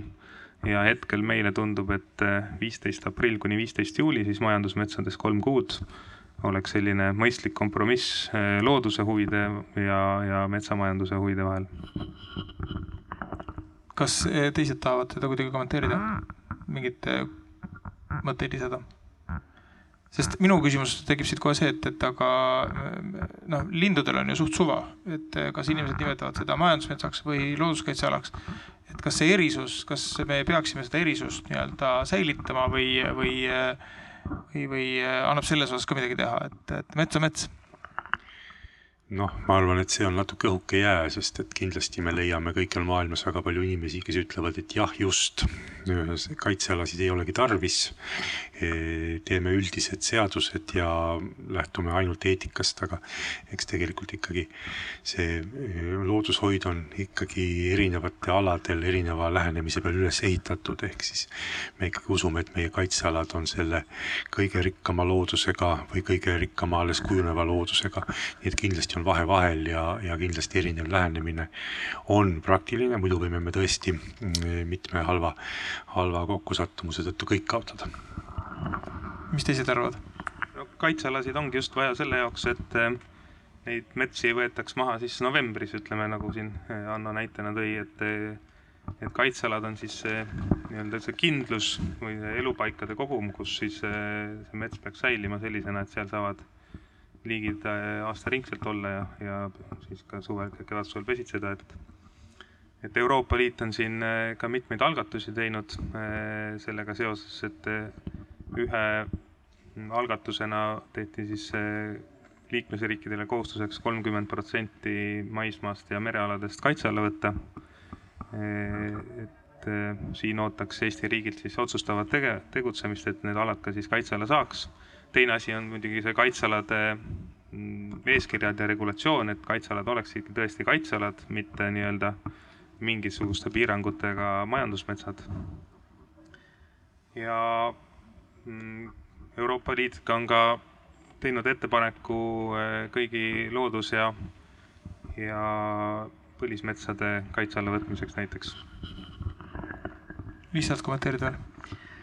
Eh, võib-olla olulisemad asjad on siin minu kaasvestlejad kokku võtnud, aga noh, üks selline mõte, mida võib veel õhku visata, on see, et äh, tegelikult on hästi hea ju ikkagi jälgida seda keskkonnas toimuvat ja lindudega on selles mõttes meil hästi, et äh, neid on, nad on niivõrd äh, selline atraktiivne osa loodusest, et äh, linnutundjaid on väga palju, linnuhuvilisi on väga palju ja tänu sellele meil on lindude kohta paremad andmed olemas kui väga paljude teiste elustikurühmade kohta. et, et linnud on selline hea uurimisobjekt ja võib-olla mida, millele peaks rohkem mõtlema, on see, et et, et igasuguste selliste reeglite kehtestamisel peaks vaatama seda, et äh, kuidas äh, neil läheb. kui neil läheb halvasti, siis meil on vaja karmimaid reegleid, kui neil läheb paremini, siis võib-olla ei ole vaja nii karme reegleid, et noh, et seda saab äh, ka ajas muuta, et mida me siis teeme või, või mida me otsustame, aga lindude puhul on see lihtne mõnevõrra lihtsam kui, kui teiste liikide puhul, sest äh, nende andmed on kättesaadavad ja nende kohta on rohkem teada.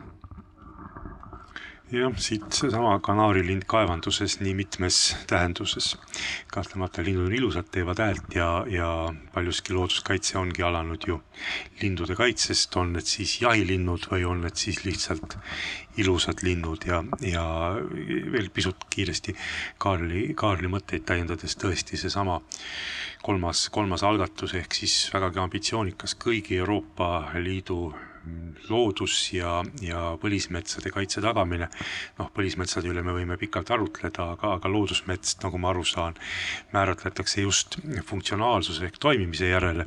ja tõesti praeguste arusaamade kohaselt peaksid liikmesriigid järgmise aasta veebruariks panema juba paika selles raamistikus oma spetsiifilised indikaatorid ja ka need alad võimalikult kiiresti välja selgitama ja noh, kui me räägime lindude kaost, siis lihtsalt kiire, kiire eh, soomlaste tähelepanek, eks, kus tõesti on nii leevike kui ka põhjatihane, eks näiteks ju ohustatud lindude hulka läinud ja just needsamad tihased, kes tõesti on aasta ringi noh, nad ei rända, kui siis hulguvad, eks me ei saa ka nende eh, arvukuse vähenemist ajada, ajada Aafrika või, või noh, ütleme Kalahari või säälsete tingimuste peale, vaid see juhtub ikka siinsamas meil oma Põhjamaal, et tegelikult nad ju kõik ka varuvad toitu piltlikult öeldes, ehk siis ka siis, kui neil see pesitsemine õnnestub, nad peidavad, mälu on neil imeline, kümned-kümned tuhanded eh, noh, ämblikud, eh, putukad, seemned pannakse koorepragudesse ja korjatakse siis kevadel, sügis-talvel jälle ära. nii et kui tegelikult talvel seda metsa ei ole, on soomlased saanud aru, siis, siis nad tegid oma pesitsuse edukalt, aga isegi nad ei läinud lõunamaale, vaid nad lihtsalt surevad nälga talvel, nii et siin on neid mõõtmeid, mõõtmeid väga palju, ei muud enne kui ma siin nüüd sõna vabaks nii-öelda annan, äh, mina tahan küsida viimase küsimuse, et aga, aga öelge mulle, millised on need praktilised sammud, mis nüüd järgnema peaksid, et äh, järgnema peaksid, et see, et see probleem ikkagi laheneks, et see lindude arvukus ei väheneks. ja me nii-öelda selle, selle kõvera suudaksime siis noh, pöörata kõigepealt sirgeks ja pärast äh, suuna ülespoole. mis on praktiliselt, mida tegema peaks? Nii, aga ma hakkan taaskord peale, et ega, ega Kaarel tõi juba niisuguse lihtsa ja lõpliku lahenduse välja. eks e, mina olen siin rääkinud sellisest samm-sammu lähenemisest ja, ja võin ka rääkida, mis praegu plaanis on, kuhu me tegelikult jõuame, on ju lõpuks poliitikute otsustada. ka, ka needsamad Kaarli välja pakutud lahendused ei ole mingi saladus meie, meie otsustajatele, eks. nii et eks on, on juba lõpuks e, valitud, rahva poolt valitud inimeste otsustada, milline milline tee võtta ja mis võtta. aga, aga täna looduskaitseseaduse muutmise eelnõus tõesti on sees pärast neid pikki pikki arutelusid kuupäevad kaitsealade eh, pesitsusrahu jaoks, eks eh, üldised kindlad ja paigas ja tegelikult on, on praegu, nagu ma aru saan, ka laiema, laiemas ehk siis nii-öelda majandusmetsade lähenemine on tõepoolest täna see, et täpsustatakse, täpsustatakse eh, seda piirangu ulatust ehk lindude pesitsusaja kahjustamist, sinna lisatakse mõned, eh, mõned juristide poolt toodud linnudirektiiviga üks-üheselt kooskõlas olnud klauslid, mis eh, annavad näiteks otsustajatele, loaandjatele, Keskkonnaametile kaalutlusruumi, sest et mm, see täna, eks, peab inimene kohale minema ja leidma selle laulva metsvindi sealt. sellises kaalutlusruumis, kasutades maatriksit, ma noh, niimoodi kujutan, mõtlen kõva häälega praegu, selles kaalutlusruumis, vaadates maatriksist ja leides eh, piltlikult öeldes sellise viljaka, viljaka loodusmetsa, on piisav kaalutlusruum ka metsateatisele näiteks. Juba peale kirjutada raiaaja piirang noh, ma näen ühte sellist võimalikku edasiliikumist, mis, mis võrreldes tänasega kahtlemata korrastab süsteemi rohkem. aga see on ainult üks lähenemine, lähenemisi on laual tugevamaid ja nõrgemaid.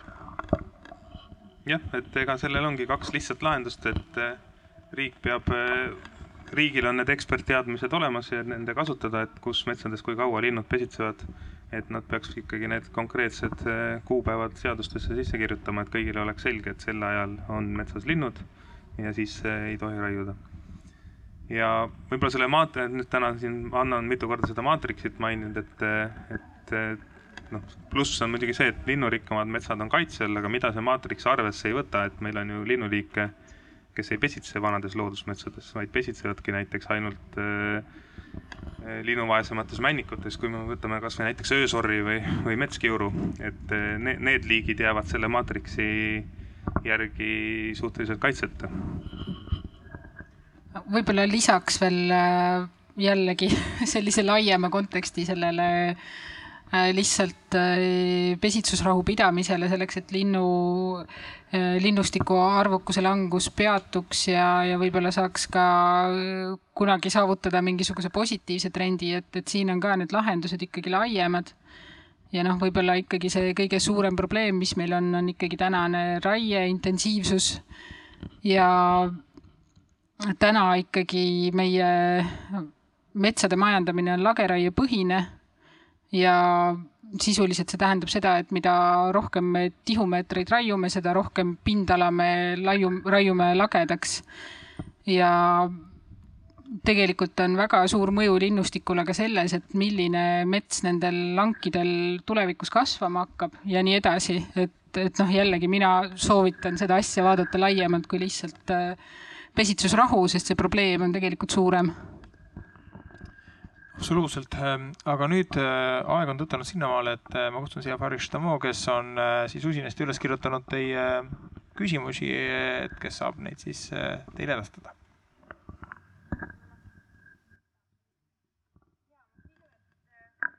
küsiks, kas äh, kellelgi on küsimusi äkki siit äh, publikust ja saab kohe otse küsida. ja ma annan.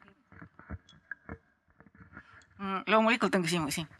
Äh, näiteks suunaga Hanna poole küsiks selgitust, et kuidas üldse on võimalik, et äh, üle saja aastasi puid sisaldavatele metsadele on võimalik automatiseeritult saata, saada raieteade ilma, et seal keegi läheks äh, vääriselupaika inventeerima.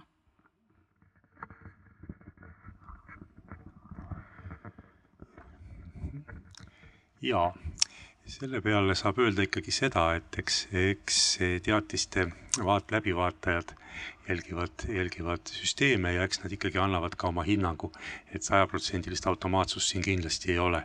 et, et, et nendele samadele tükkidele ikkagi meie Keskkonnaamet saab oma hinnangu anda ja ka sekkuda, kui tal on kaalutlusruum, aga kindlasti, kindlasti mitte alati siia juurde ma küsin äh, küsimuse Kaarlilt äh, natuke seoses just Keskkonnaametiga ja pesitsusrahuga, et praegu on kohtuasi ka. äkki sa kirjeldad seda, et miks on ornitoloogia ühing ja mõned teised MTÜ-d veel ähm, kohtus just pesitsusrahu teemal? Ehm, kui üritada lihtsalt kokku võtta, siis ongi see õiguslik ebaselgus, et seaduses on see ebamäärane punkt, et lindude pesade hävitamine on keelatud, aga, aga praktikas ei ole eh, tavainimesel või, või ütleme, metsamajandal võimalik veenduda, et eh, kas seal plaanitaval raiealal on neid pesasid või mitte. ehk siis seaduse täitmine praktikas ei ole mm, võimalik metsamajandale ja selle jaoks peakski siis see ekspertorganisatsioon, kes on siis kas Keskkonnaamet või Keskkonnaministeerium, eh, kehtestama kindlad kuupäevad, eh, millest on võimalik lähtuda metsamajandajatel ja, ja inimestel. aitäh ja siin on praegu palju räägitud õigusruumist ja õigusselgusest, eks. Aga tagasi natukene kitsamaks tõmmates, siis see, diskussioon hakkas ka, ka pihta sealt, et tegelikult ähm, ei ole ka piisavalt haldusvõimekust, et nende, neid rik-, nende rikkumistega siis reaalselt tegeleda. et nüüd, kui, kui neid kaitsealasid veelgi nagu laiendada, et, et see, see järelevalve tööpõld ju muutub ka järelikult veel, veelgi laiemaks, et kas ka, ka, ka sellega seoses on mingisuguseid konkreetseid plaane, et kuidas seda haldusvõimekust tõsta või kas on mingisuguseid nutikaid lahendusi siis maailmast, et mismoodi seda siis teha, kas siis on võimalik sellesse, sellesse järelevalvesse kuidagi kaasata siis nagu mm, mm, mittetulundussektorit või, või, või lihtsalt aktiivset kodanikkonda kas on mingeid ägedaid ideid kuskilt, kellele silma jäänud?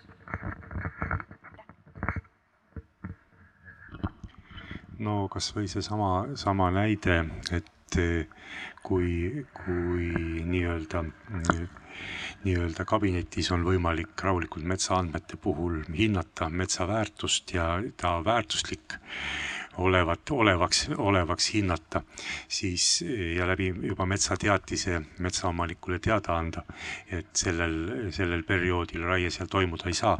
kahtlemata juba see, noh, ütleme niimoodi, vähendab, vähendab seda tööd, mille vastust me tegelikult teame. ei ole vaja välja minna selleks, et aru saada, et metsas on metsvint. metsamees on õiguskuulekas, aga ma mõtlengi, et kuidas siis ennetada või ennetada, ennetusmeede, aga õigusrikkumisi on alati, aga päriselt niisuguste õigusrikkumiste noh, esinemine on ikka tegelikult täna väga väike ja tühine. Eesti metsaomanik on õiguskuulekas. kas ma võtan järgmise kommentaari? tere. tere. on ainult üks küsimus. kelle peos on Keskkonnaameti munad? Et äh, mida te kardate või miks te ei äh, suuda tunnistada või mi miks ei suudeta tunnistada, et äh, te ei suuda seda olukorda kontrollida praegusel viisil ja tuleb teha seadus? aitäh, ma ei tea täpselt, kellele seda küsimust suunata, sest Keskkonnaametit praegu ei ole, aga seaduse mõttes võib äh, seda küsida lihtsalt laiemalt. see küsimuse teine pool oli, et miks ei suudeta äh, et tunnistada, et on probleem ja seda lahendada. Äh, kas keegi tahab seda vastata või rääkida lahti? ma võin alustada lahti seletamist, et siin oli ju tegelikult mitu, mitu küsimust koos. ehk siis, ehk siis noh lahend-, me ju tegelikult lahendame seda probleemi ja, ja siin ongi ju küsimus, et miks ei ole tulnud seadust, vast me olemegi, olemegi uskunud, et eh, see ühesõnaga inimeste suhtumine ja vabatahtlik raierahu on see kõige, kõige õigem liikumine, kui me räägime siin üheksakümne viiest ja muudest protsentidest, siis ei saa ütlemata jätta, et see lahendustee tundub olevat üheksakümne viie protsendiliselt ka õige lahendustee ma kommenteeriksin nii palju, et, et see üheksakümmend viis protsenti on kõigist erametsaomanikest, aga, aga ilmselt kellel kõige suurem vajadus pesitsuse ajal raiuda, on suurmetsaomanikud, sest nemad ei jõua oma raieid selle üheksa kuuga ära teha, mis pesitsusperioodist välja jääb, nii et see metsade pindala, mis pesitsusrahu ajal ohus on, on tegelikult tunduvalt suurem kui viis protsenti. kas on keegi veel siit et ahah, kohe. tere, mul on selline kommentaar, et ähm, tegelikult on ju niimoodi, et kui me arutame mingisugust küsimust, mille eesmärk on piirata kellegi teise õigusi, näiteks abordiõigust, siis me ju ei taha, et seal ees istuvad ainult vanad mehed, kes arutavad selle üle, me tahame, et seal oleksid kindlasti ka noored naised, kes sel teemal sõna võtaksid ja praegu mulle tundub, et kes on paneelis ikka täiesti esindamata, on erametsaomanikud et RMK on ju tegelikult kogu lugupidamise juures on riigimetsa esindaja, tegelikult see on umbes samasugune nagu Merko ehitus ja siis tema kõrval on mingisugune noh, väike, kes üritab niimoodi ühe mehe firma üritab midagi teha. ja kui ma räägin erametsaomaniku, siis ma tõsiselt mõtlen praegu oma isale, üle kaheksakümne. Selliseid on jõle palju, kellel on seal viis, kuus, kümme hektarit, kes siis ise laste abiga seal seda metsakest majandavad, olen ise käinud seal istutamas ja selles mõttes, et kasvõi kommentaariks sellele väitele, et äh, metsaomanik raiub sellepärast, et saada seda toetust. mets kasvab kaheksakümmend aastat, sada aastat. selles mõttes, et selle hektari pealt, kui ma õieti mäletan, siis see toet-, see, see kulu, mida sa kannad istutamiseks, on kuskil tuhat viissada eurot. See toetus, mis sa saad, kui ma õieti mäletan, on nelisada eurot mis natukene kompenseerib. et me istutasime, tellisime, siis loomad söövad ära, nad hukkuvad, siis me oma perega jälle istutasime asemele. et selles mõttes nagu ma kindlasti ei ole nõus selle väitega. ja, ja tegelikult, kuidas nüüd öelda et äh, hästi palju oli siin sellist nagu metsaomaniku süüdistavat hoiakut ja ma tegelikult nagu võib-olla saan aru, kui me räägime suurtest fondidest, mis on ju praegu, mis toimub, on see, et Eesti need väikemetsaomanikud pigem eelistavad müüa neid ära sellepärast et nii palju jama on sõna otseses mõttes. ja kui sa teed seda otsust, noh, ma ei tea, kuskilt pangast, teisest riigist, no huvitab sind see Eesti mets aga sellised kaheksakümneaastased või nende lapsed, vot meid küll huvitab. ja selles mõttes, olles ise ka lugenud natukene seda metsanduse gruppi, sa ei taha olla kogu aeg süüdi, sa kogu aeg ei taha kanda seda rahaahnuse süüd. milleks minu isa kasutas seda metsa? osa metsa, mis maha võeti, sellepärast et ta sai raieküpseks, ta oli istutatud vana sellise soomaa peale, märja maa peale, ta hakkas mädanema. selleks, et maksta oma raviarveid. on ta süüdi? On ta rahaahne. et, et noh, nagu mis mulle nagu tundub, on see, et tegelikult oleks ja nüüd meenutades neid vanu metsamehi, ma olen ise kasvanud üles Kohtla-Järve rohelise vööndi metsamajandis. seal töötasid ainult inimesed, kes tegelesid metsaga. ühed tegelesid raiega ja asjade tegemisega, teised tegelesid loodushoiuga. mõlemad istusid ühes, ühes samas kontoris, erinevates kabinettides, said kokku ja tegelikult ma ütlen, et see on väga hea looduskaitseviis. inimesed räägivad, inimesed katsuvad leida ühisosa, sest mis siin praegu on, on metsasõda nagu Ukrainas. me oleme kaevikus, tulistame üksteist. Ja sellist asja, et leiame lahenduse, mõlemad astuvad tagasi, kui ma seda meediat loen, see on jube personaalne. Mõlemalt poolt. nii et, et noh, nagu ma ei tea tahaks lugeda natukene, kuidas on Soomes, et kas metsaomanik võiks olla huvitatud looduskaitsest. meil tegelikult on ju pigem see, et metsaomanik ei ole huvitatud looduskaitsest, sest ta pelgab.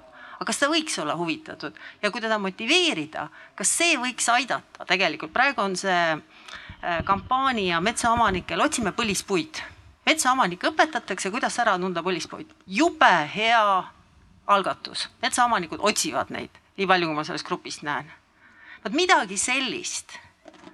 ja ma ütleks, et, et vot see, mis on, mis siin oli juttu ka, et pesitsusrahu läbi inimeste kaasamise, teadlikkuse tõstmise, see tegelikult, ütlen juristina, ükskõik, mäletate ju neid teid, meil lähevad need teli-, need maa, need kõnniteed, aga inimesed ikka kõnnivad otse. miks?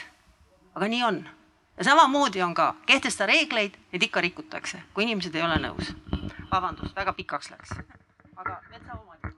aitäh ähm, enne kui ma annan korraks sinna sõna, meilt küsiti mitu korda, et äh, miks äh, Erametsaliitu pole siin vestluses ja me rääkisime ka nendega äh, ja küsisime nendelt, et kas nad siis on äh, nõus sellega, et pesitsusrahu peab pidama, äh, sest äh, avalikult on Erametsaliit öelnud välja, et äh, nende meelest pesitsusrahu pidamine võiks olla vabatahtlik. Ja kuna meie seisukoht või see arutelu punkt või, või see fookus on just see, et kuidas saavutada pesitsusrahu Eesti metsades, siis seetõttu mm, ei ole päriselt Erametsaliidu esindajad siin. samas nagu enne kuulsime, siis erametsaomanikega me oleme rääkinud ja uuringud ka ütlevad, et väga paljud just väikemetsaomanikud pesitsusrahu tahavad pidada ja seetõttu võib-olla see Äh, küsimuse püstitus, et kas metsaomanik on süüdi, kui ta tahab metsa maha võtta äh, selles kontekstis, äh, kuidas saavutada pesitsusrahu Eesti metsades, ei ole noh, ma ei taha öelda, et kohane eh, süüd või noh, igaüks tunneb süüd, kui ta tunneb, aga nagu siit enne ka kõlas, see mets on seal alles ja seda võib maha võtta millal iganes. ja tänane küsimus on just see, et eh, kuidas teha niimoodi, et seda Eestis ei tehtaks pesitsusrahu ajal. jah, seda tahtsin öelda, kas Äh, annan veel korraks äh, võimaluse lõppsõnaks, äh, kommentaariks, mis iganes. ei, ma tahan nii palju öelda, et kahju, jah, selles mõttes ma olen teiega nõus, et oleks olnud kindlasti see diskussioon palju kirglikum, kui meil oleks siin olnud nii-öelda kaks poolt, aga on nagu on aga nüüd see Arvamusfestival tõenäoliselt surub meid siit alalt varsti välja, sellepärast et teha ruumi järgmisele arutelule. järgmist tahate... arutelu ei tule, sest kellaaeg on nii pikk aga no siis laseme edasi, aga aga ühesõnaga ma tahan küsida, et kas on praegu sellele siit saalist tulnud äh, kommentaarile äh, lavalt veel äh, soovi, soovi kommenteerida, enne kui ma kokku võtan selle? teeme ikka lõppringi ja mina tahan ka väga tänada selle noh, ma arvan, et see sõnavõtt kindlasti ka tasakaalustas meie, meie vestlust ja tõi selle nii-öelda era, erametsaomanike mõõtme sisse ja, ja kindlasti niikaua, kui me noh, kõik see, mida me teeme, on ühisosa otsimine ja, ja kindlasti ka, ka ütleme, me räägime püsimetsandusest, me räägime erinevatest metsa eh, kasutamiskultuuridest, aga ka selliseid tuleb tunnustada ja, ja kindlasti on meil vaja meil oleks just palju, palju väikemetsaomanikke, aga siin ongi seesama rääkimise koht, et see uhkus nende väärtuste, mitte ainult linnud, vaid ka kõik muu, et see, et seda uhkust kasvatada, hoida ja jagada ja harida, et see on, see on kindlasti see tee ja seda tuleb edasi, edasi kindlasti jätkata, sest et noh, rõõmsameelsemalt öeldes me oleme, inimene mõõdab kõike endaga, eks ole, karu, hunt ja inimene, me, need on meie loomad, aga väga paljud vajavad hoopis vähem. eks noh, ma, lindudel on oma, oma ruumid, me räägime hektaritest, eks ole, aga paljud mutukad-putukad sellest kahekümnest tuhandest, neil on võib-olla vaja kahte maha kukkunud oksa ja võib-olla seal elab liik, keda me kusagilt mujalt Euroopast ei leia. nii et ka väike on tähtis ja muud. Liis. jah, mul oli ka väga hea meel, et, et sa sõna võtsid, et muidu me oleksime siin niimoodi kaagutanud kooris ja enam-vähem kõiges nõus olnud üksteisega et selles mõttes on väga hea, et sa rääkisid. aga võib-olla ühe, ühes asjas ma tahaks tagasi tulla, seesama, see istutamine. et, et sina vaatad seda väikeomaniku perspektiivist, aga kui sa võtad needsamad fondid, kellele sa viitasid, siis seal võib sellel olla väga suur mõju äh, sellel samal toetusel sest et äh, tegelikult ju ka suurmetsaomanikud saavad neid toetusi ja, ja see nende käitumist kindlasti mõjutab, et, et seda perspektiivi saab ka vaadata.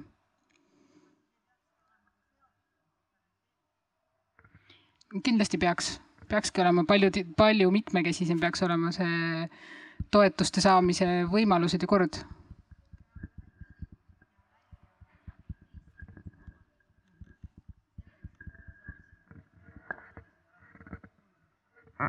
Äh, äkki seesama asi mikrofoniga?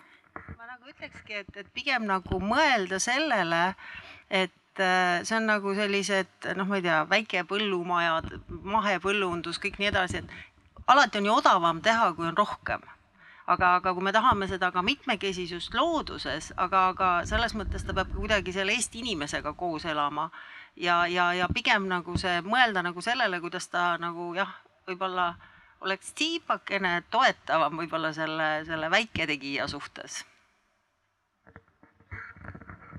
Hanno, sa saad vast selle äh, ettepaneku endaga kaasa võtta äh, Keskkonnaministeeriumisse ja, ja võib-olla siit sellest Arvamusfestivalist saab alguse suur muudatus. Mitmekesi-, mitmekesisus on alati võti. Kaarel?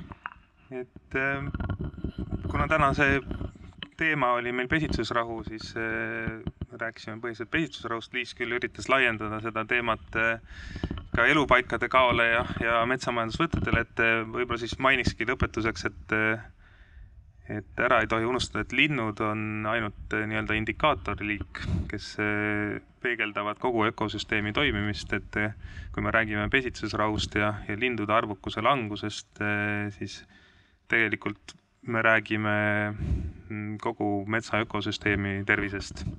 et niisugust suurt, suurt pilti tuleb ka meeles pidada selge siis, aga äh, siinkohal me peame otsad kokku tõmbama.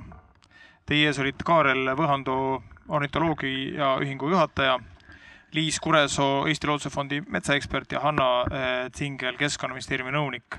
ma tänan äh, teid äh, siin selles arutelus osalemast, mulle meeldis väga, et see Arvamusfestivali hõng natuke siia lõpuks ka kohale jõudis, et, et, et, et oli siis mitu poolt, kes kohe leibasid ühte kappi tahtnud panna.